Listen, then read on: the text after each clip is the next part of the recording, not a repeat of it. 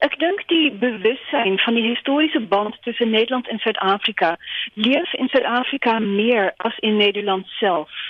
In ons geschiedenisboeken heeft ons nooit geleerd Orjan van Riebeeck niet. En als een Nederlander denkt aan die koloniale verleden, dan denken we in de eerste plek aan Nederlands-Indië, aan Indonesië en aan Suriname en die Nederlandse Antillen. So die bewustzijn is bij je minder sterk in Nederland. En net een handvol historici en literatuurliefhebbers zal dertig daarvan weten. En voor een groot van die Afrikaanstaligen was hier de historische band natuurlijk ook een problematische band. Maar en ek wil dan ook nie die band romantiseer nie. Maar aan die ander kant, iemand soos van Wyk Lou het mos gesê Nederlands kan vir Afrikaanstaliges 'n venster op die wêreld wees.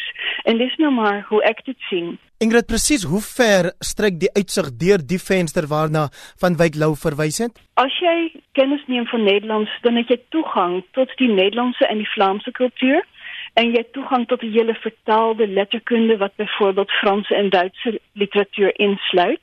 So dan gaan 'n hele wêreld oop as jy Nederlands gaan lees of as jy Nederland toe kom om te studeer. En dit is vir almal 'n goeie ding dink ek. Waarom reken jy as hierdie soort buitelandse blootstelling belangrik vir ons skrywers? As 'n taalgemeenskap sy taal en sy skrywers ernstig opneem, dan wil jy mos ook hê dat die skrywers ook in die buiteland bekend is en nie net in jou eie klein kringetjie nie, maar dat hulle ook 'n internasionale uitstraling en erkenning het. En dit is wat ons met die week van die Afrikaanse roman probeer bewerkstellig. Wie is dan van die skrywers of dramaturge wat aan vanjaar se week sal deelneem? Uh die skrywers wat deelneem is uh Willem Anker Andries Besuidenhout, Ingrid Winterbach, Rudy van Rensburg, Amy Jefta en uh, Susie Machola en Karim Brits van die Afrikaans in Soweto projek. En uit Nederland self? En uit Nederland en Vlaanderen natuurlijk ook. Hagar Peters, uh, Peter Verhelst en uh, Christine Otte bijvoorbeeld.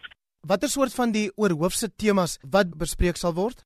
Als je nou praat van Erfenisdag, is het ook interessant om te weten. Amy Jefta het een nieuw stuk geschreven Eh, speciaal voor jullie bezoek aan Nederland. Wat zij gaan opvoeren bij die Afrofibes VS. Wat gaan oor die verbindenis tussen Nederland en Zuid-Afrika en wat het nog in hier die 21ste eeuw kan beteken.